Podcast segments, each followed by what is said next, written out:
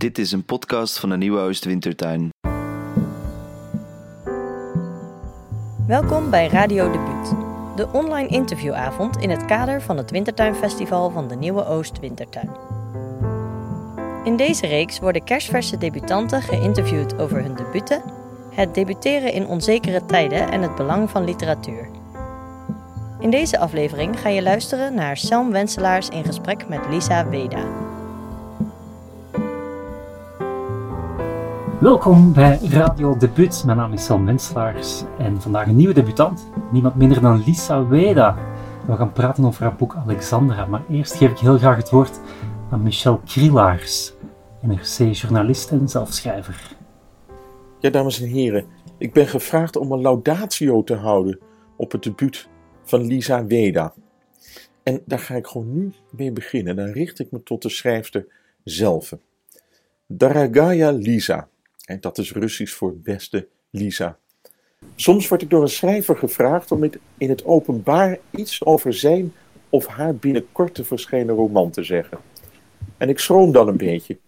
In de eerste plaats omdat ik op het moment dat ik die uitnodiging krijg niet weet wat ik van het boek vind. Ik heb het tenslotte nog niet gelezen. En wat zeg je tegen een schrijver als je zijn of haar werk beroerd vindt? In jouw geval is dat anders.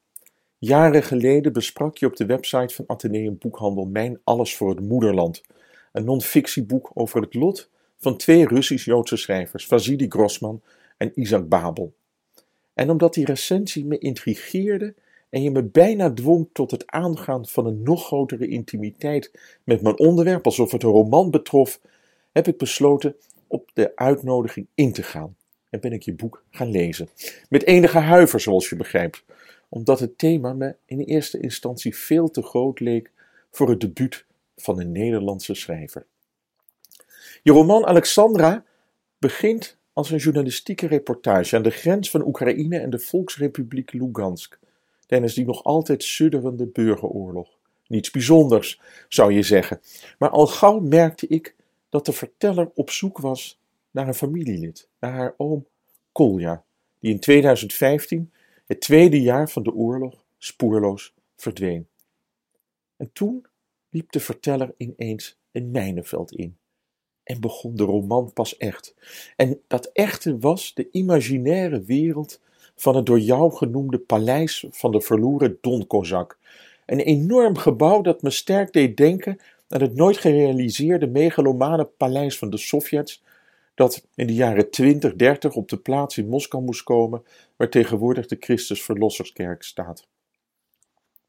In dat paleis van die verloren Donkozak is op iedere verdieping een ander hoofdstuk uit de geschiedenis van jouw familie in de Sovjet-Unie te vinden.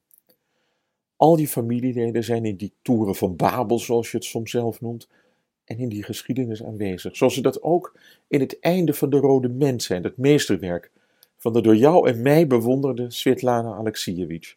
Ze praten, schreeuwen, fluisteren, ademen het verleden en ze vertellen hun verhaal kriskras door elkaar heen.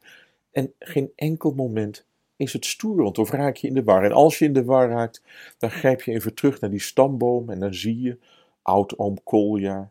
Je komt bij een over, overgrootvader over overgrootmoeder, bij kinderen, bij neven, bij je eigen ouders. Het is eigenlijk heel makkelijk om te volgen.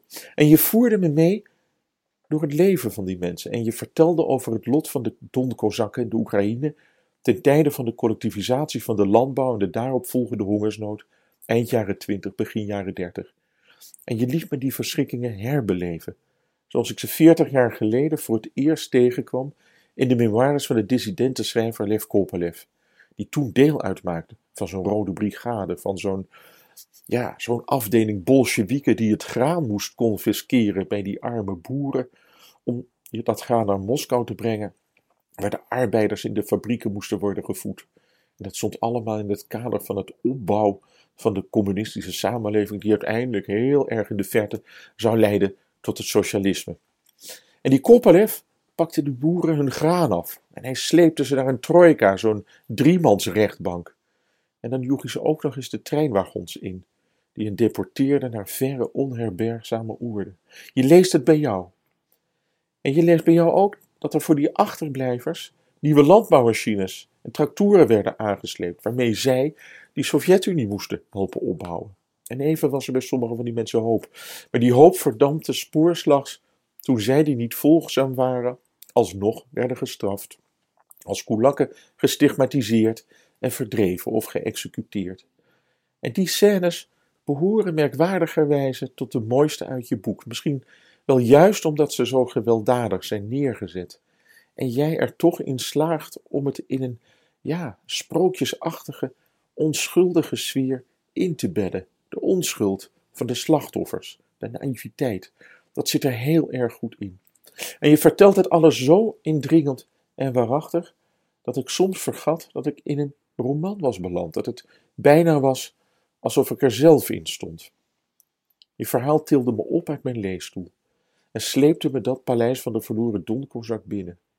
En ik voelde de pijn die je personages hebben ervaren. Ik leefde mee met het verlies van hun haven en goed en besefte me keer op keer hoe comfortabel ik het zelf heb hier in dit mooie huis met die grote bibliotheek, mijn Oosterse tapijten, mijn concertvleugel, mijn CD-collectie, mijn garderobe, mijn lieve vrouw, mijn pannen, mijn voedsel, mijn wijn, noem maar op.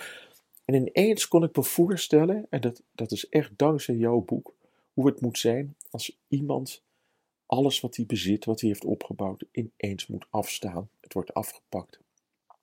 En ook liet je het landschap zien dat ik lief heb. Want hoe vaak heb ik niet met de trein of met de auto door het landschap gereden? En heb ik dat zwaaiende koren gezien en die rode horizon aan de einde. Onderweg van Kiev naar Odessa of van Kiev naar het oosten, naar Lugansk, waar jij bent geweest. En ik was dan op zoek naar de waarheid over mijn schrijvers. Een waarheid die ik nooit zal vinden, omdat zij niet te vinden is. Want die waarheid is zo ontzettend absurd en ongeloofwaardig. En ook dat heb je neergezet. En dan is er je grootmoeder, die door de nazi's naar Duitsland werd afgevoerd en op het nippertje overleefde. En aan haar heb je volgens mij al die verhalen te danken, want zij vertelde je wat er was gebeurd. Zij hield de geschiedenis voor haar kleindochter levend.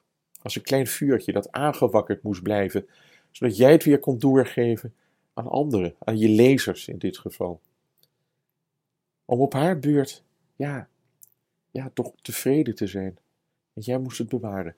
Nou ja, heel knap en organisch weet je de gebeurtenissen uit het verleden af te wisselen met het heden. Dat vond ik ook knap. Ik zei al, het begint als een journalistieke reportage. Verteller gaat naar een grenspost, wordt niet doorgelaten, uh, uh, zit er vast, wordt geconfronteerd met oorlog. En je weet dat, dat journalistieke, ja, je bent al heel snel in die roman. En dan wissel je dat verleden af met het heden alsof het iets heel natuurlijks is. En je laat ook die rebellen in Lugansk zien, zonder mededogen met ze te hebben. Je laat zien dat ze ordinaire gangsters zijn, belust door plundering en mishandeling, sadisten, al dan niet aangemoedigd door Moskou. En het laat zien dat als mensen, waar dan ook eenmaal de vrijbrief hebben om geweld toe te passen, op wie dan ook, ze dat ook doen. En dan is beschaving ver te zoeken. Tegelijkertijd laat je die naïviteit van de slachtoffers zien, of het de Oekraïners, Russen, Tataren of Donkozakken zijn. Mensen die zich niet kunnen voorstellen dat anderen hun zo'n geweld kunnen aandoen.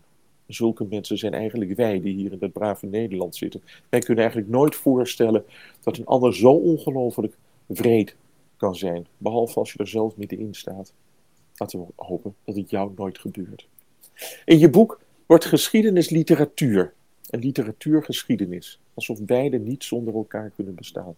Alsof de literatuur de geschiedenis lichter en acceptabeler kan maken voor de slachtoffers. En omgekeerd, alsof de geschiedenis de literatuur nodig heeft om geloofwaardig te blijven. Want alleen de verbeeldingskracht van een schrijver kan het waargebeurde inzichtelijk maken en het kwaad verteerbaar. En dat is jou, Lisa, meer dan gelukt, waarvoor ik je dankbaar ben. Maar dan nu mijn vraag. Want wat ga je na dit, zoals ik aanneem, toch een persoonlijke boek schrijven? Blijf je in de Sovjet-Unie? Blijf je bij je verdwenen familieleden? Heb je nog meer verhalen te vertellen? Of ga je het elders zoeken? Ik ben zeer benieuwd. Ten eerste dank je wel, Michel. Heel fijn. Fijn om te horen. Uh, ook omdat ik, ook al uh, schrijf ik soms uh, snedige stukken over andermans werk, zoals over jouw non-fictieboek, waar je het in het begin over had. ja, kijk, zo op tegen wat je doet en weet en, en kan. En uit een hoge hoed weet te toveren en hoeveel feiten je kent. En het is echt eh, ja, bewonderenswaardig. eh, en om jaloers van te worden, is zo interessant. Ehm, wat ik hierna ga doen. Ik heb een uitnodiging gekregen om naar Lugansk te komen. Naar het oorlogsgebied. Ehm, om naar mijn oud-tante Nina, die ook in de roman zit, te gaan. Om eh, haar te bezoeken. En ehm, dat wil ik graag doen. Maar ik weet niet zo goed eh, wanneer. Ik weet niet op eh, welk tijdsbestek dat precies kan. Uh, maar het liefst zou ik in het voorjaar daarheen gaan om te gaan kijken. En mijn andere plan. Ik heb altijd meer dan één plannen. Heel goed. Plans. Ik wil heel graag door de voormalige Sovjet-Unie reizen om uh, Sovjetpaleizen vast te leggen. Die er nog zijn. Cultuurpaleizen, huizen van cultuur, huizen van arbeiders. En dat dan samen met een fotograaf, hoop ik. Um, dat lijkt me ontzettend interessant. En verder komt er denk ik een vader-dochterroman. Wat iets heel anders wordt over de andere kant van mijn familie. Over Schiedamse jeneverneuzen en uh, uh, echte volkscultuur. Dus dat is een heel andere zoektocht waar ik heel veel zin in heb. Ja. Nou, wat een plannen. Kon ik maar een beetje ja. mee naar Lugansk? Ja, kom maar hoor. Dat is goed. En naar die cultuurhuizen. Ja, misschien. misschien. Ja, het lijkt me echt te gek. Uh, mag ik ook nog één vraag terugstellen, Selm? Of stelen we dan? Zeker. Ja, ik weet helemaal niet wat we nu mogen doen. God. Lisa mag zeker nog een vraag terugstellen. Wat is, wat is, jouw, volgende, wat is jouw volgende project? Nou, ik, heb, uh, ik, ik, wil, ik wil eigenlijk een. Uh, zoals jij met die cultuurhuizen bezig bent, wil ik eigenlijk een soort geschiedenis van Rusland gaan schrijven. Aan de hand van alle boeken die ik sinds mijn kindertijd over Rusland heb gelezen. En ik wil oh. dat misschien doen aan de hand van een reis langs de Wolga. Kijk, ik ben natuurlijk ooit begonnen met de koerier Michail Strogoff, de koerier van de Tsaar. En vervolgens Tsjechov en vervolgens het andere. En dan wil ik eigenlijk een soort. Ik heb laatst een heel mooi boek gelezen van Irene Vallejo. Dat is een Spaanse klassica. Dat heet Papyrus. En die schrijft de geschiedenis van papyrus als, uh, nou ja, als, als hoe heet het, uh, schrijfmiddel voor de, voor de klassieken. En zij beschrijft dus hoe die klassieken, die Romeinen met dat papyrus omgaan. Maar eigenlijk is het haar persoonlijke verhaal. Dus dat is een plan. En ik wil ook een plan schrijven over mijn eigen. Mijn moeder is onlangs overleden. Die is heel oud geworden, bijna 96. En die heeft een heel raar leven achter de rug. En het is allemaal zo raar dat je het niet gelooft. Zo absurd is het allemaal. En ik ga dat, ik ga dat denk ik ook eens opschrijven. In de, in de vorm van haar delier dat ze had op haar sterfbed. Waarin ze zulke rare dingen riep. En ja, dat is een plan dat ik ook heb. Dus ik heb twee boeken die langs elkaar lopen. Wauw, klinkt allebei nou, heel mooi. We zien het wel. En ik wil uit. natuurlijk heel graag Rusland in, maar het kan niet door die corona. Dus het is maar wachten. Ja, vervelend. Er sterven 3000 mensen per dag aan die ziekte. Ja. Dus op dit moment. Het is bloedlink.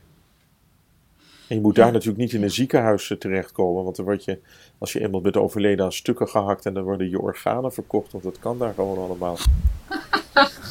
Sorry.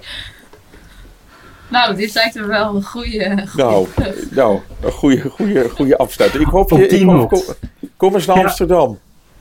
Of laten we elkaar eens in levende lijf ontmoeten. Dat lijkt me heel erg leuk. Dat lijkt me leuk. Dan zeg ik voor Precies. nu paka paka. Paka paka. Dag Michel, heel veel dank.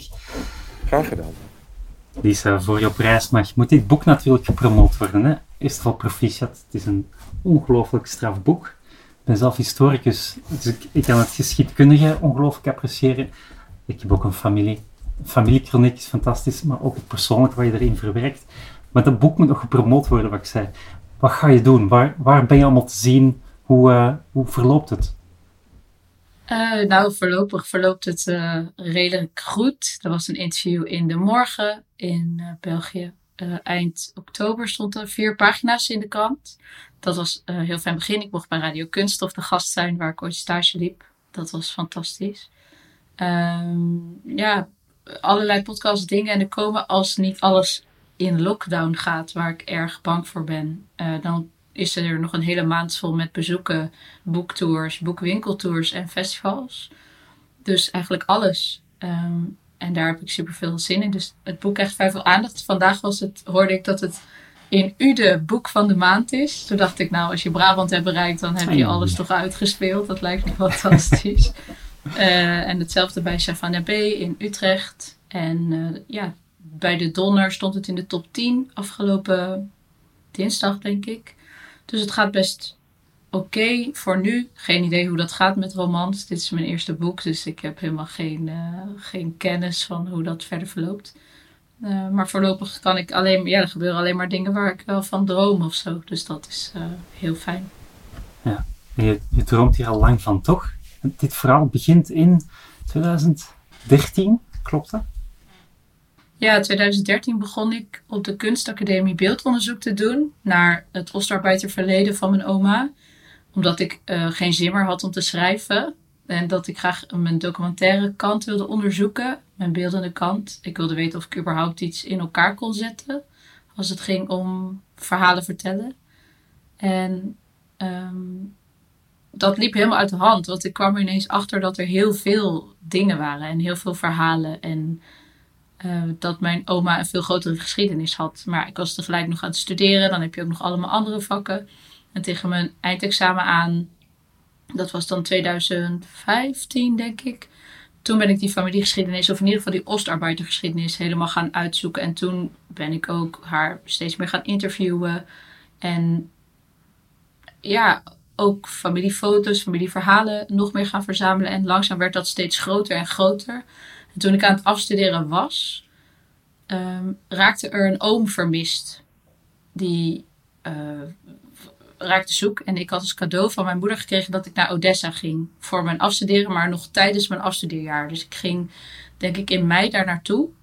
En toen was hij, ja, sinds maart was hij vermist. En die oorlog kwam gewoon steeds meer onze familie binnen. En, en ik was in dat land en in Odessa was er niks aan de hand. Iedereen was rustig en gezellig en de zon scheen en het was 35 graden.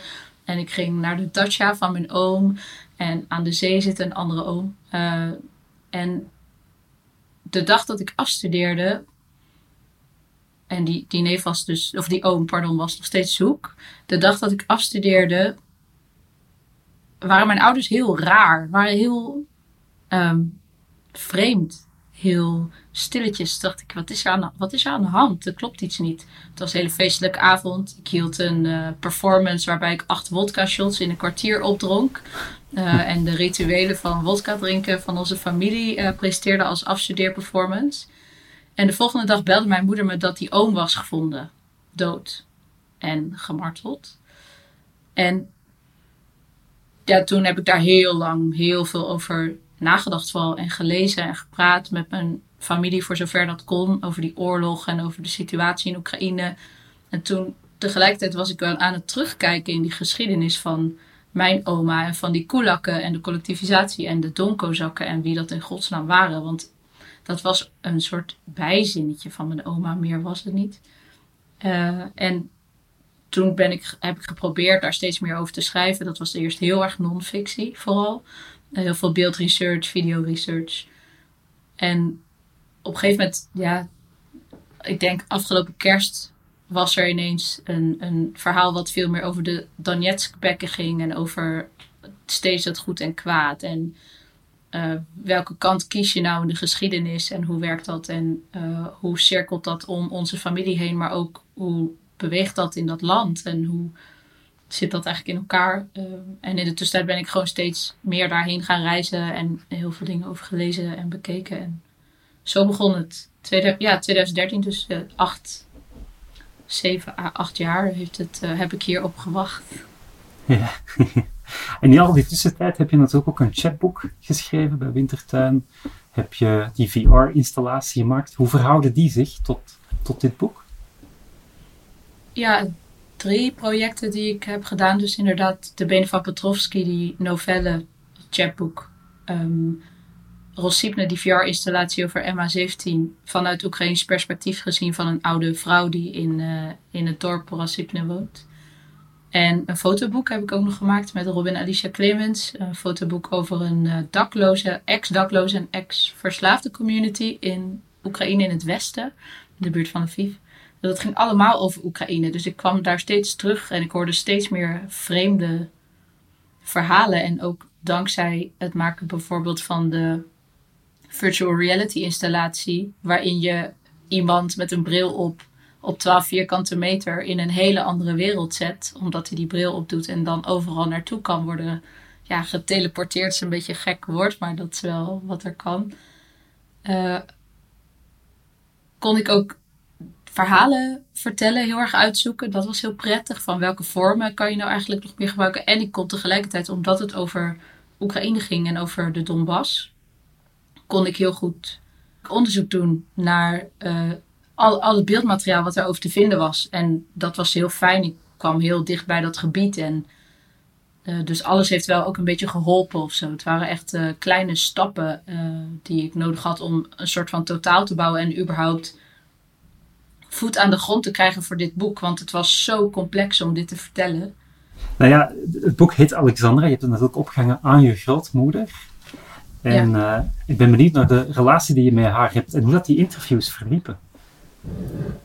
Stug. Ja. Heel stug. Zij had helemaal geen zin in het begin. Zij dacht, er komt mijn kleindochter weer met uh, die, uh, had ik zo'n audioapparaat bij me. Ja, zij vond dat helemaal niks in het begin. Zij vond dat echt niet fijn. Ze wilde daar niet over vertellen. En het verleden is voor haar natuurlijk al echt heel erg lang geleden. Dat is echt lang geleden. Zij is 97 op dit moment. Ze had echt een tweede, een, een tweede leven was ze begonnen in Nederland. En ineens komt je kleindochter je vragen van hoe was het eigenlijk uh, voor 1942 en wat was daar en hoe was dat met familie. Maar langzaam begon ze wel te snappen ja, waarom het nodig was of zo. Waarom ik het, waarom ik het wilde weten. Uh, omdat niemand anders, niemand anders was daarmee bezig. En ik was erg geïntrigeerd. Uh, als kind ook al heel erg door de oorlog. Dus ik heb bijvoorbeeld op mijn tiende een spreekwoord gehouden over de holocaust op de lagere school. Nou, dat slaat natuurlijk helemaal nergens op. Maar ik was heel gefascineerd door die tijd en die gruwelijkheid. En hoe mensen dingen elkaar aan kunnen doen en hoe dat werkt. Dus hoe meer ik leerde over, over haar tijd, eh, hoe meer zij wel snapte dat ik meer wilde weten. En toen ging ze ook wel meer vertellen. En um, mijn band met haar is ook goed. En warm en liefdevol. Dus we zijn ook wel echt uh, goed met elkaar. Dus dat hielp ook wel. Of zo. Ze snapt wel waarom ik het wil, denk ik. Inmiddels. Hoop ik. Ja. Ze, heeft, ze is het nu aan het lezen, dus dat is echt heel spannend. Hoeveel uren uh, geluidsmateriaal heb je zo van haar? 40 uur 40 en ook briefjes van mijn moeder. Dan was mijn moeder op visite en dan zei mijn oma nog iets. En dan ging dat ook weer naar mij toe of een appje of een uh, video of een video of een spraakbericht bijvoorbeeld via WhatsApp.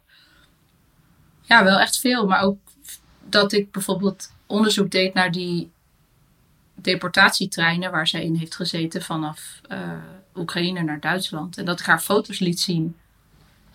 Om maar een beetje haar geheugen op, op gang te krijgen. Om haar een beetje in beweging te krijgen.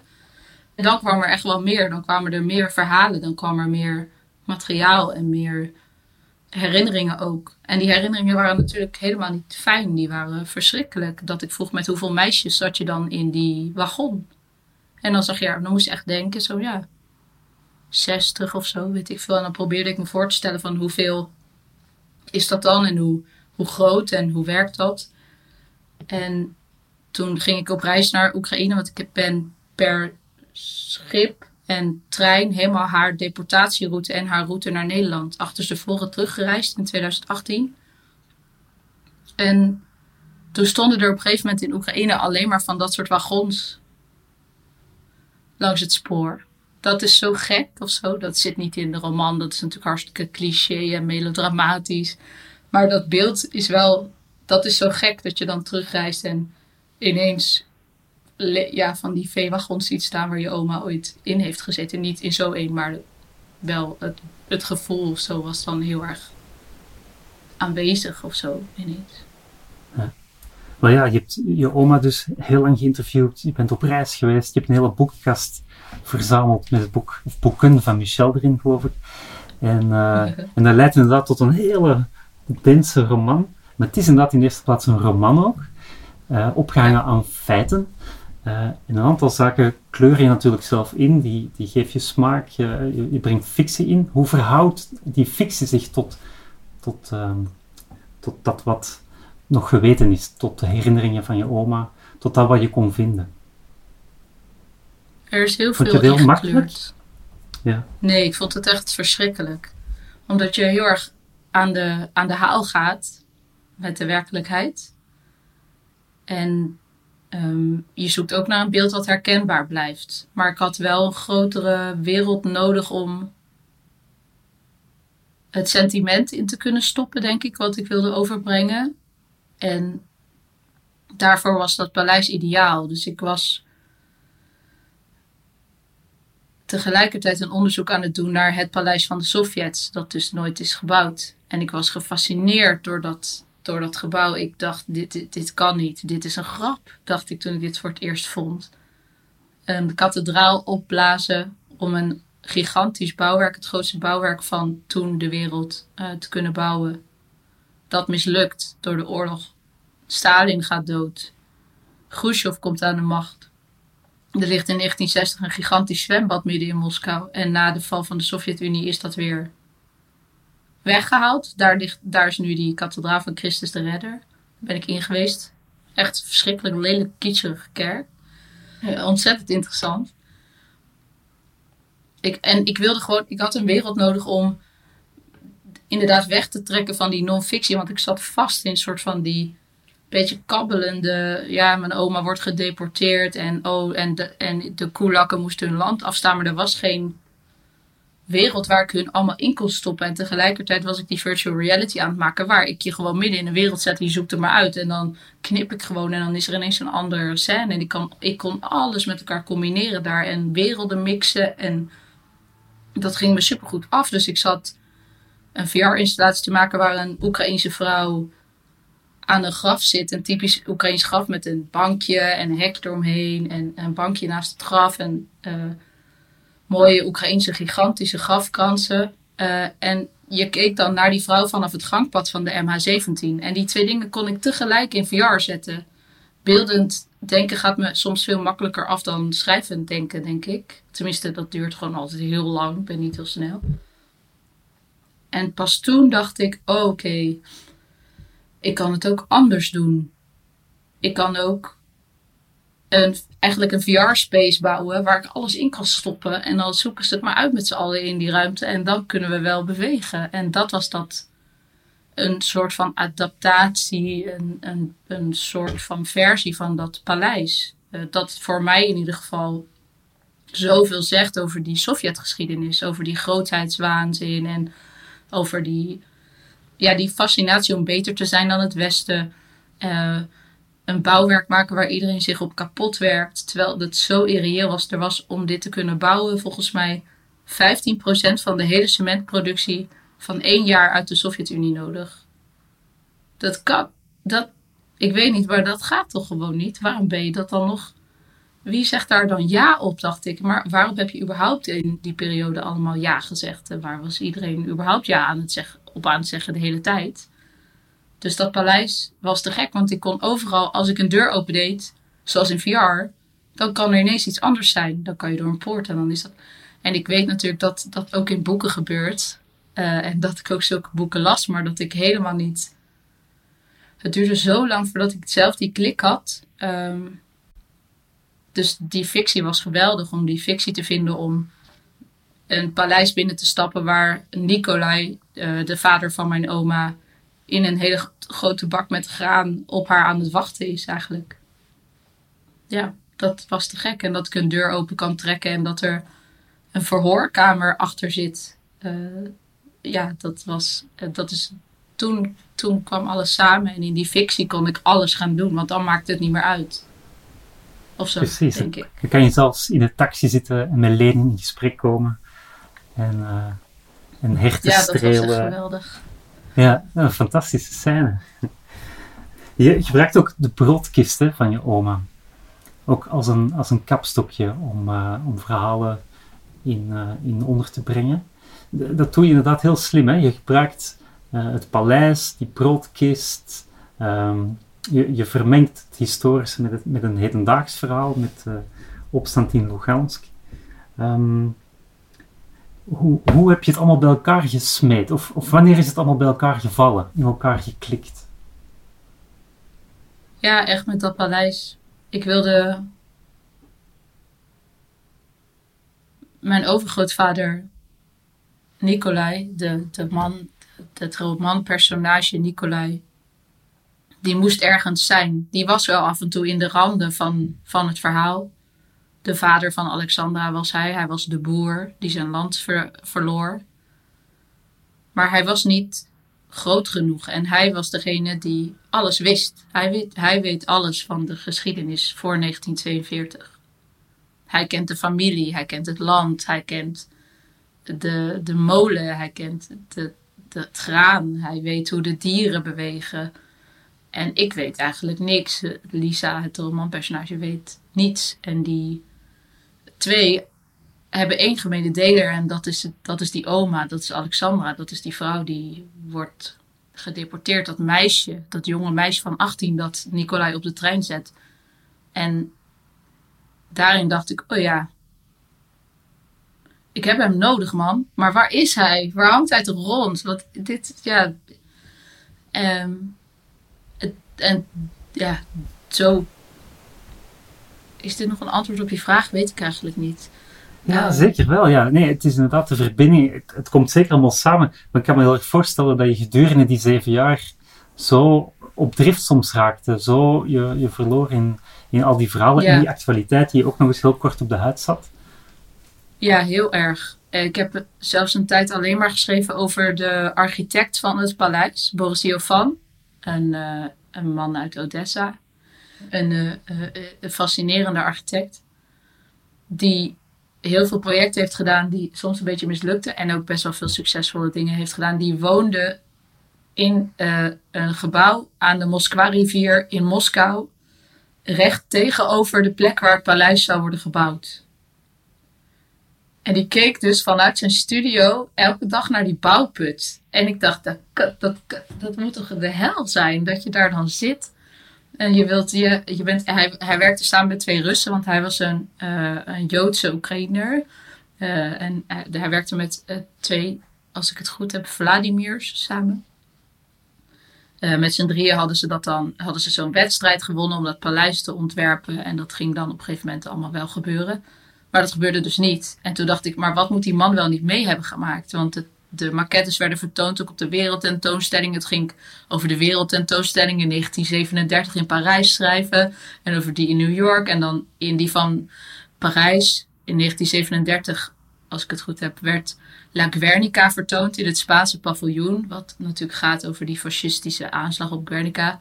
En toen dacht ik ineens, alles kwam samen. Er stonden daar die Sovjet-paviljoen en het paviljoen van de nazi's stonden al recht tegenover elkaar.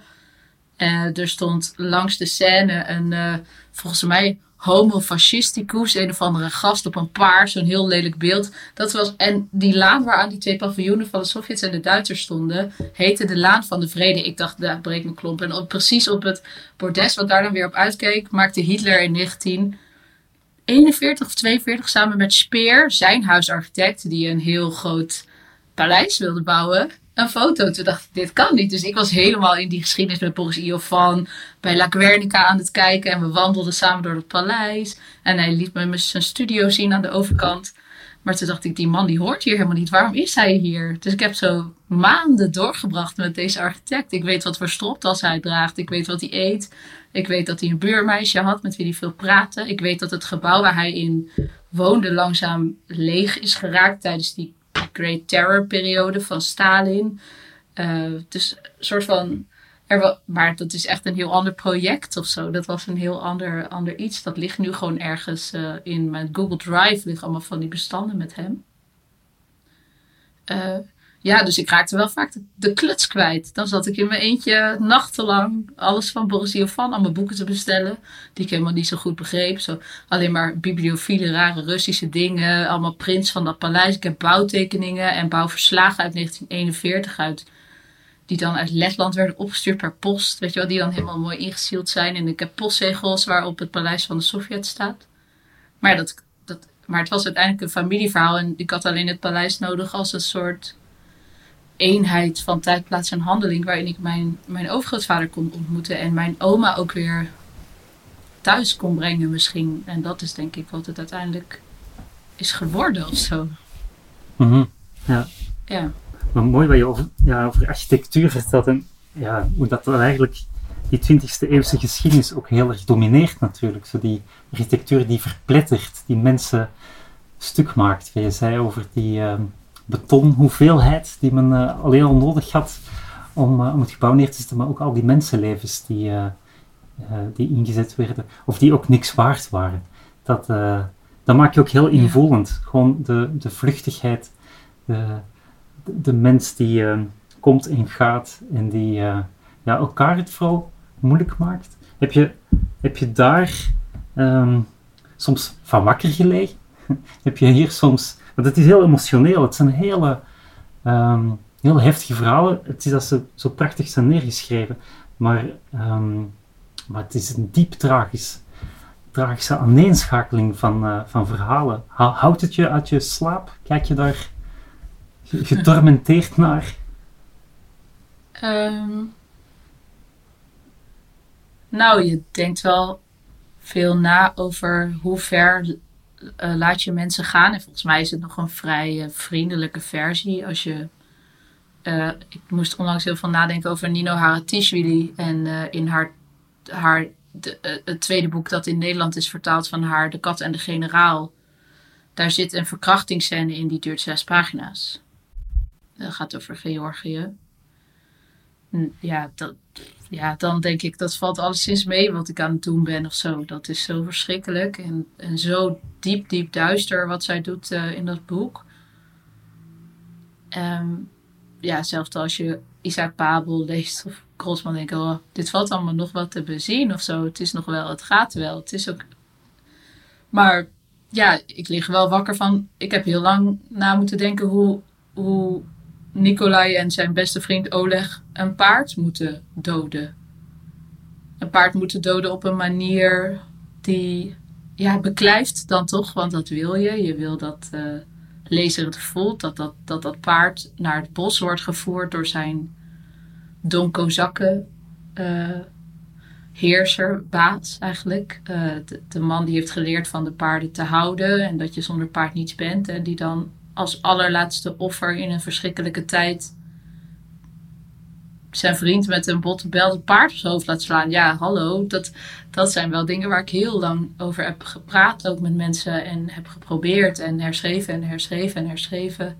Net als die scène in de trein met mijn, waarin Alexandra uh, ja, op het perron staat tot het moment dat zij echt die, die trein in moet dat die scène, die lag er al sinds 2014, maar het duurde zo lang om te zorgen dat het humaan was, maar niet humaan. En, en dat zij een meisje bleef en dat zij, dat Alexandra echt een jong meisje is. Dus zoveel andere meisjes die helemaal niet weten waar ze heen gaan. En uh, ja, ik heb daar ja, van die stukken ook wakker gelegen. En zeker de lijn van de oom die uh, uiteindelijk ja, dat je, weet, je, weet al vanaf het begin van het boek dat hij dood is. Um, de lijn van die oom, dat, die heb ik heel lang uitgesteld. Want ik wilde daar heel lang al over schrijven. Uh, maar dat was zeer complex ook omdat die realiteit is zo nieuw. Die, die is er nog. Die is er nog elke dag. Die is niet weg. Er is nog steeds een oorlog. En dat was heel dat is glad ijs. Tenminste, ik denk dan, je ben, ik ben op glad ijs aan het bewegen. Want ik kan niet. Ik weet niet zo goed in verhouding tot andere geschiedenis waar je heel erg over kan lezen. En waar je echt heel veel over kan consumeren. En waar je zo lang van zoveel verschillende kanten. Ook al is het geschiedenis natuurlijk ook maar wie vertelt wat en wat is het perspectief en waarom. Maar daar, daar kan je dan langer naar kijken. En hier dacht ik, oei, die oorlog is zo vers. En de dood van de oom in de werkelijkheid is vers. En nu ga ik in een boek een man vermoorden. Dat is een intense onderneming. En hoe zorg ik dat dat niet een soort. Hoe heet dat nou? Je hebt daar toch een woord voor? Nou, iets van. Uh, cruelty porn wordt of zo. Hoe kan ik er nou voor zorgen dat niet alles zo, haha, kijk, hier komt weer een stukje gruwelijkheid. Nou, daar gaan we weer. Ik hoop dat. Ik was daarvoor erg naar op zoek naar hoe laat ik zien dat het zeer complex is om daar te wonen. En om familie te zijn van elkaar als je andere dingen gelooft. En als, als je andere dingen wil voor een land. Of als je uh, uh, dus je, broer, je broers, je bloedbroers en zussen de rug toekeert of niet. Of andere keuzes maakt. En dat duurde wel heel lang. Die scènes zijn het meest vers, denk ik, qua hoe vaak het geschreven is. En daarna dacht ik, nou is het wel leuk, maar hoe, ga, hoe vertellen we een verhaal over Oekraïne? Want Oekraïne is een ontzettend complex land. Die geschiedenis, dat, dat had veel breder verteld kunnen worden, denk ik, nog in de roman. Maar ik wilde niet mijn familieleden in een dialoog heel de tijd aan elkaar dingen laten uitleggen. En ik was erg gefascineerd door het donkozakkenhert. Het, het symbool van de donkozak, het hert met de pijl in de rug. En ik dacht, ja, waarom laat hun het dan maar doen of zo? Laat die herten maar vertellen, laat die herten er maar zijn, laat ze maar proberen totaal machteloos te waken over die familie die helemaal uit elkaar valt en die steeds weer verliezen heeft. En laten hun maar de wijsheid hebben over dit land en over uh, de geschiedenis en wat er is gebeurd op die grond. En laat ze maar een beetje foreshadowing doen van, nou ja jongens, het zal wel weer niet gezellig worden. Um, dat was, uh, dat was die ficties kwamen echt pas heel uh, laat. En dat zijn wel dingen waar ik heel lang, ja, wel nachten wakker gelegen, echt wakker gelegen. Dat ik dacht, wat dramatisch. Nou lig ik, nou lig gewoon te malen over, mijn, over een verhaal. Maar dat was denk ik ook wel een goed teken of zo, want dan breek je wel ergens doorheen. Ja. Dat het je niet loslaat, blijkt ook uit je nieuwe tattoo, begrijp ik. Ja, ik heb achter mijn, uh, achter mijn oor het uh, Donko Zakkenhert uh, laten tatoeëren door een van mijn beste vrienden. Dat was een erg intieme middag. met stick en poke, dus echt met, met een naald. Met nog kleine naald zit erin en dan met de hand. Dus hij heeft dat helemaal overgetekend. En dat het is een vrij radicale manier om iets af te sluiten, geloof ik.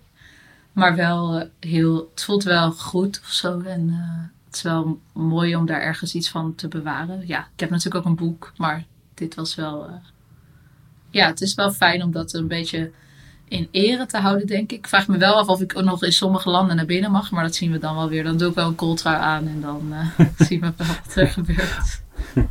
Wat betekent het voor jou, het hecht? Wat betekent het kozak zijn voor jou? Nou, in de roman gaat het natuurlijk heel veel over welke vrijheid is van wie en waarom. En hoe kies je je vrijheid en kan je die kiezen? Soms zit je gewoon helemaal, uh, helemaal uh, geplet tussen verschillende conflicterende uh, ideeën. Of ben je toevallig de inwoner van een gebied waar je eigenlijk helemaal niet zo goed kan bewegen.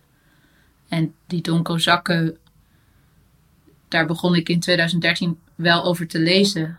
Uh, en een beetje onderzoek naar te doen. En dat is een, een vrij, vrij buiten, vrij gevochten, niet heel gezellig volk.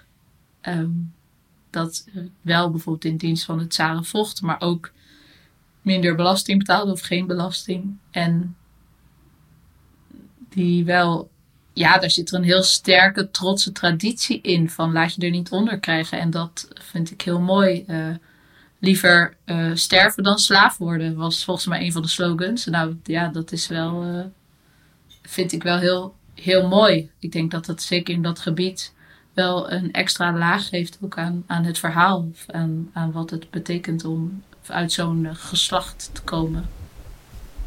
Nou, je hebt ook een andere tattoo, toch? Van, uh, van je grootmoeder. De naam van je grootmoeder. Ja, ja, van, uh, met haar naam, inderdaad, in, het, in haar handschrift.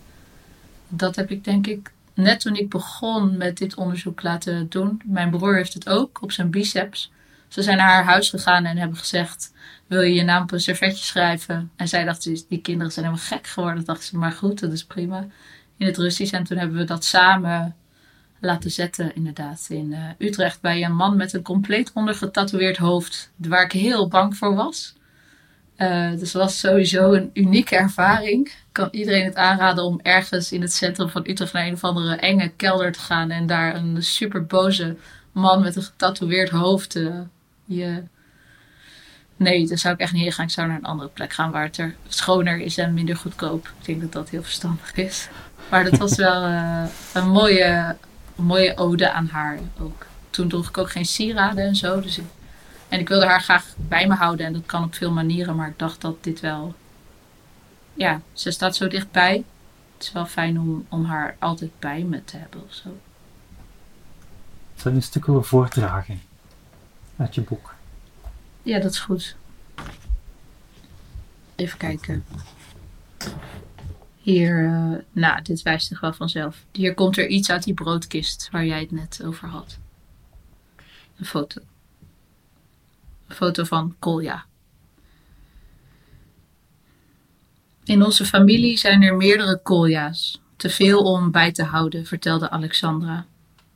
Bij het eerste bezoek aan Oekraïne in 1973 was het erg verwarrend voor je moeder. Ik zal je zeggen wat ik toen tegen haar zei, onderweg, voor we het station binnenreden. Dit zijn de kolja's die je moet onthouden. Mijn vader, Nikolai, mijn broer, Nikolai roepnaam Kolja, jouw oud-oom dus, Lisa. Jouw oud-oom Kolja had tijdens zijn werk in de fabriek een van zijn vingertopjes afgezaagd, per ongeluk. Zijn coachje was er afgevlogen zo de werkvloer op. Het kon niet teruggezet worden. Toen ik met je moeder op dat perron stond, tussen al die familieleden, en er ook nog iemand veel te dichtbij en veel te hard accordeon stond te spelen, omhelste zij Kolja als eerste. Ze herkende hem aan zijn te korte vinger. Dan is er nog je Nederlandse oom natuurlijk, mijn zoon Nico. En dan is er je oom Kolja, de volle neef van je moeder, mijn kleine neefje, de zoon van mijn zus Nina.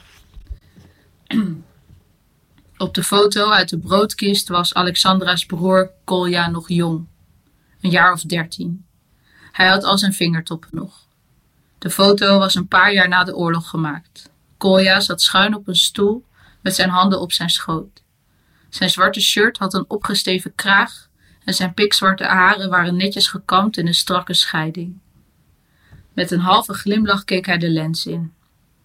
Zijn irissen waren bijna helemaal zwart. Zijn houding, zo net mogelijk zittend op die stoel, paste helemaal niet bij zijn knokige jongensschouders. In de hoek van de foto, schuin boven zijn hoofd, stond iets in Cyrillisch schrift, in hoekige kapitalen. De inkt van de letters was deels vervaagd. Ik kon alleen Sasha, de roepnaam van mijn oma, lezen en legde de foto in haar hand. Als aandenken voor mijn zus Sasha, las Alexandra de Hoog voor. Daarna legde ze de foto terug in de kist. Het was vreemd om hem daar te zien op dat station, zei ze. Het was alsof ik recht de armen van mijn vader inliep. Zo erg leek hij op hem. Het was even alsof de tijd had stilgestaan alsof het weer november 1942 was en hij daar altijd was blijven staan. Dankjewel. Elisa, je bent nu debutant, maar je bent natuurlijk wel een doorwinterde. Um, ja, je bent gewoon deel van die literaire wereld al jaren in verschillende verschijningsvormen. Je performt, je hebt natuurlijk mooie woorden als programmamaker, ben je daarbij betrokken. En Maxime um, Garcia Diaz, die ik eerder sprak, die had een vraag daarover. Um, dus die is ook net gedebuteerd en die vroeg zich af hoe jouw performen, het voordragen, hoe dat, dat zich verhoudt tot, tot dit boek, tot uh, het geschreven woord. Of dat daar een heel groot verschil in zit. Of dat je dat heel anders benadert, of dat je ook gewoon een andere schrijver bent dan. Wauw. Nou, ik denk dat ik liever podiumperformances dan echt nieuw maak, dus ander werk. Dat is sowieso een tik. Ik wil gewoon niet zoveel hetzelfde doen. Ik vind het heel fijn om nieuwe dingen te kunnen maken. En daarin ook te zoeken naar iets wat echt op een podium werkt. Er zit hier in de, in de roman een scène in waarin ik heel veel vodka drink met familie. Dat werkt prima voor een performance, denk ik. Dat zou fantastisch uh, werken. Dat lijkt me heel leuk ook om meerdere keren live te doen. Maar een boek is wel. Ja, het is anders zoeken, omdat een boek is zo groot. Die wereld is zo anders. En denk dat het interessant is om juist op een podium te kijken naar hoe kan ik iets performen wat bijvoorbeeld na een kwartier klaar is, maar wel af is of rond is geweest. Ik heb met bijvoorbeeld Brother Tail met Matthijs uh, een productie gemaakt in de lockdown. Een video, Halfslaap heet die. En ik heb daar een tekst voor geschreven, toen ingesproken. En in mijn eentje in de kast thuis. Zo, omdat we niet naar een studio konden. Dus ik stond zo onder een hele grote deken in de inbouwkast. Met, met die taskam, dat opnameapparaat, dat op te nemen. En hij heeft daar toen muziek onder gemaakt. En vervolgens ben ik, toen we net weer een beetje naar buiten mochten, samen met hem uh, een video gaan opnemen bij hem in de studio. Waar zijn broer Peter dan weer video bij maakte. En nu ben ik bijvoorbeeld met Matthijs bezig om daar een, een performance van te maken. We hebben dat laatst voor het eerst live gespeeld met z'n tweeën. Dus dan zet hij die hele productie ook om naar een van de MIDI-apparaat waar die gekke knoppen kan indrukken en weet ik veel. En liever dat, denk ik. Dat, dat vind ik dan toch leuker of zo. En ik vind het dan ook leuk om nieuwe dingen te maken. Dus ik denk dat dat het daar. Dat, dat ik dan die podiumperformance zo leuker vind. En ik wil graag met Matthijs ook een groter werk maken. Het lijkt me heel interessant om te zien of ik dat kan. Of we bijvoorbeeld een show van een uur kunnen maken en, hoe, dat, hoe dat zit. En daarin kan ik ook echt mijn andere, mijn andere fascinaties onderzoeken. Ik hou heel erg van hip-hop, ik hou heel erg van uh, geproduceerde muziek. En in de boeken ben ik denk ik ook veel langer bezig met iets. Dus ik wil iets uitdiepen. En hier ben ik heel lang mee bezig. Dus ik zie het echt als een ander hokje in mijn eigen makerschap. Ik zie het niet als, als twee uh, dingen die te combineren zijn of zo. Uh, ja, ja, in principe wel, omdat dat mijn hele praktijk is natuurlijk. Maar uh, nee, een boek, het vraagt ook iets anders. Ik ben daar heel anders mee bezig. Ik ben nu bezig met het nadenken over mijn volgende boek. Ik wil graag een boek maken over een vader die een dochter heel lang heeft gepusht om heel veel te bereiken, omdat hij zelf ooit op een kantelpunt van een carrière uh, de mist in is gegaan. Of uh, dat is mislukt, omdat het een hele trotse en eerlijke uh, man is geweest. En zijn dochter die groeit hem voorbij op precies dat punt. En, en dat is wat ik weet. En ik weet dat er in het verhaal een, een oud-tante is van die man die vader, die ooit, of een, of een overgrootmoeder, zo echt heel ver weg, een hele oude vrouw, die dan ooit gasmunten heeft gespaard. Vroeger moest je munten kopen om gas uh, uh, mee te regelen, gas mee te kopen, zeg maar. En die vrouw heeft zoveel munten, gas, gasmunten gespaard tot ze haar hoofd in de oven kon stoppen. Dus ergens daarin zit er allemaal lagen waarvan ik denk: oké, die vader is dan bijvoorbeeld een depressieve vader. Het zit, er zitten allerlei vreemde lagen van schuld en schaamte en verlies in die familie. En hoe kan je je als kind dan schamen om uh, je ouders voorbij te groeien? Hoe werkt dat? En wat voor gekke verhouding heb je als je wil presteren voor je, voor je ouder? En maar dat duurt gewoon heel lang. Ik ben daar dan al anderhalf jaar over aan het nadenken. En ik heb denk ik nou, die vrouw heeft net één munt gekocht. Er staat echt nog bijna niks op papier of zo. Maar dan weet ik, ik ben dan gewoon heel erg aan het uitzoeken van, hè, waar zit het hem nou in? En dingen als schaamte en schuld en willen presteren liggen heel dicht bij elkaar, maar ook niet. En hoe verhouden een vader en een dochter zich? En waar, in wel, hoe moet, waar moeten ze dan weer naartoe? Want dat is bij mij altijd een grote vraag. Waar zijn ze en, en waar bewegen ze met z'n tweeën? Is het bijvoorbeeld tijdens één diner? Maar dat doe ik weer een beetje in dezelfde truc zoals in deze roman. Dus dat wil ik eigenlijk niet. Dus dan wil ik een nieuwe vorm vinden. Dus dat is, zo, dat is zoveel heel ander werk dan uh, aan podiumperformances uh, werken, denk ik. Je gunt jezelf die tijd. Je, je beseft dat dat tijd nodig heeft. Ja, ik heb echt nooit haast gehad. En ik dank ook echt mijn uh, redacteur op mijn knieën dat ik alle tijd van de wereld heb gekregen van haar. Zij is zo geduldig geweest. Uh, ja, dat is echt uh, ontzettend fijn. Ja. Volgende week spreken we voort ook met Maxime erbij. Heb je voor haar een vraag? Oeh, ik zag haar uh, afgelopen week bij Crossing Border optreden. Zonder. ja, uit haar hoofd. Ik, misschien is het ook een podiumvraag, maar dan. Ik dacht, die poëzie leeft zo anders dan wanneer ik haar lees. Uh, het Zwarmende Hive Mind is natuurlijk nog, ook nog niet zo lang uit. En ik ken haar nog van toen zij een uh, bewerking van Howl deed. Die echt te gek was, een aantal jaar geleden. Ja, misschien waar die waar de liefde voor de podiumperformance is begonnen. Dat zou ik wel willen weten. Waar is die voor jou begonnen? Wil ik gelijk terug uh, kaatsen. Waar ben jij de begonnen liefde met voor het optreden? Mhm. Oh, wow. Echt op hele... Waar ik ben begonnen op... Je bedoelt letterlijk plekken, op verschrikkelijke, verschrikkelijke plekken. Dat voor zes mensen, weet je wel.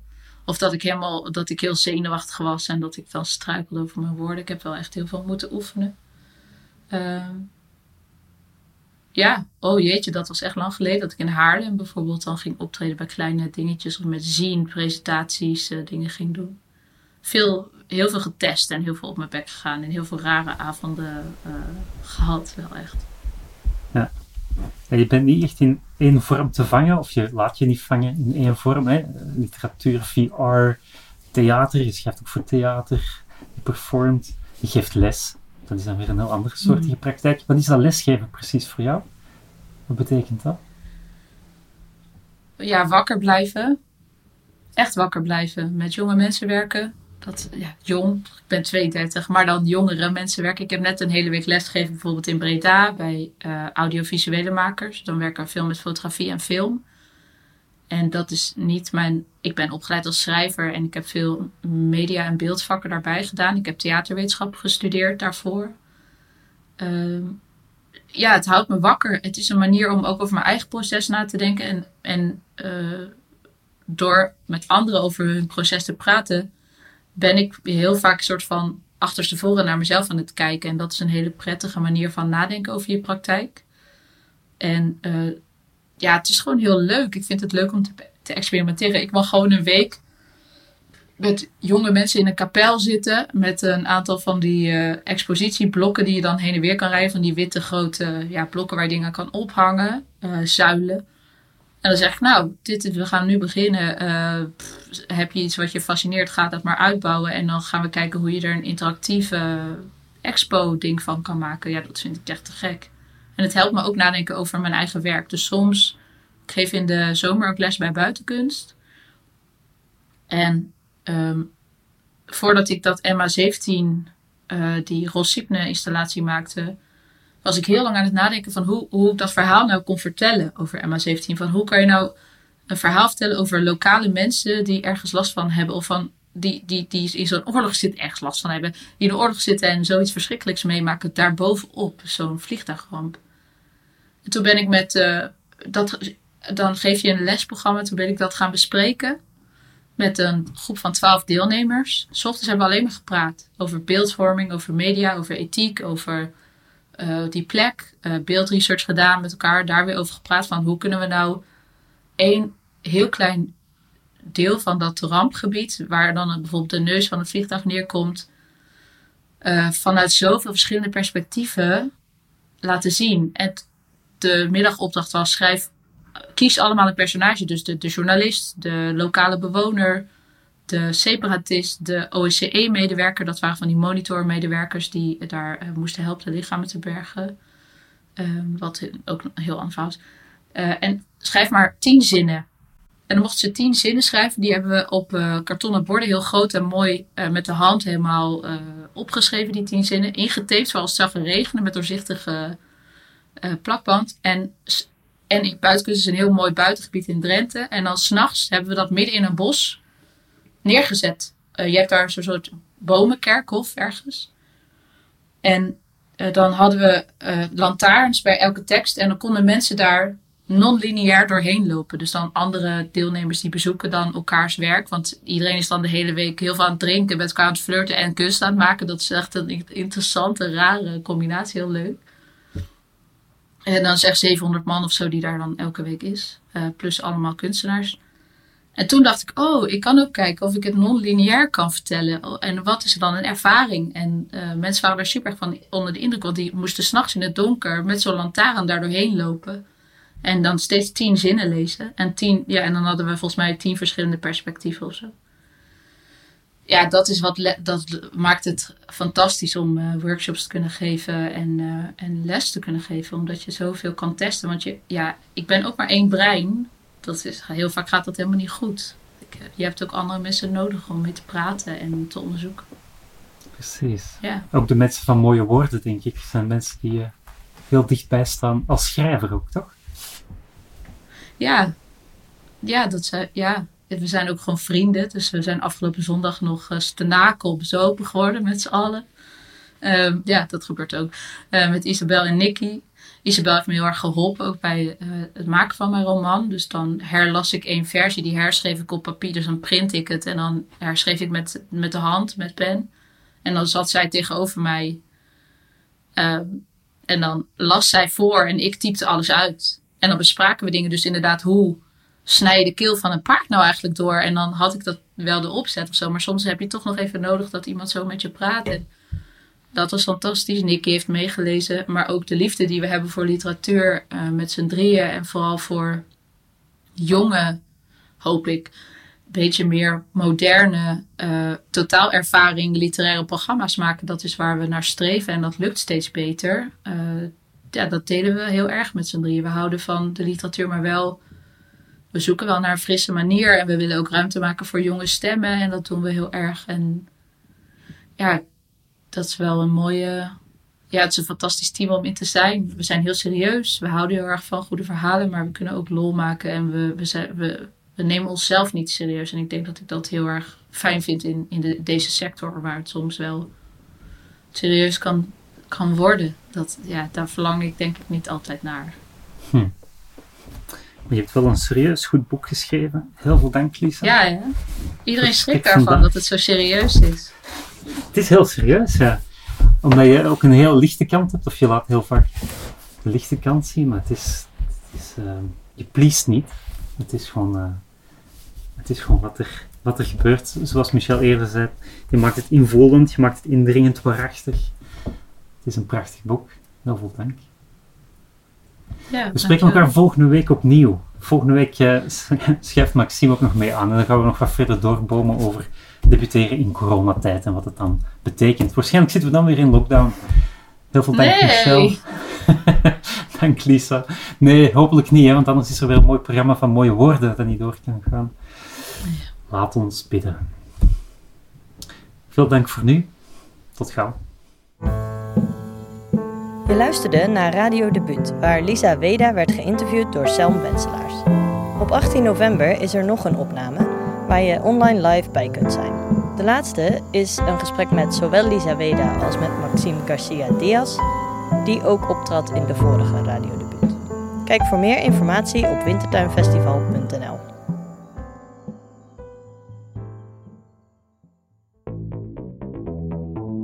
Dit was een podcast van de Nieuwe Oostwintertuin. Volg ons via jouw favoriete podcast-app voor meer podcasts over verhalen, literatuur en schrijven. Tot de volgende keer.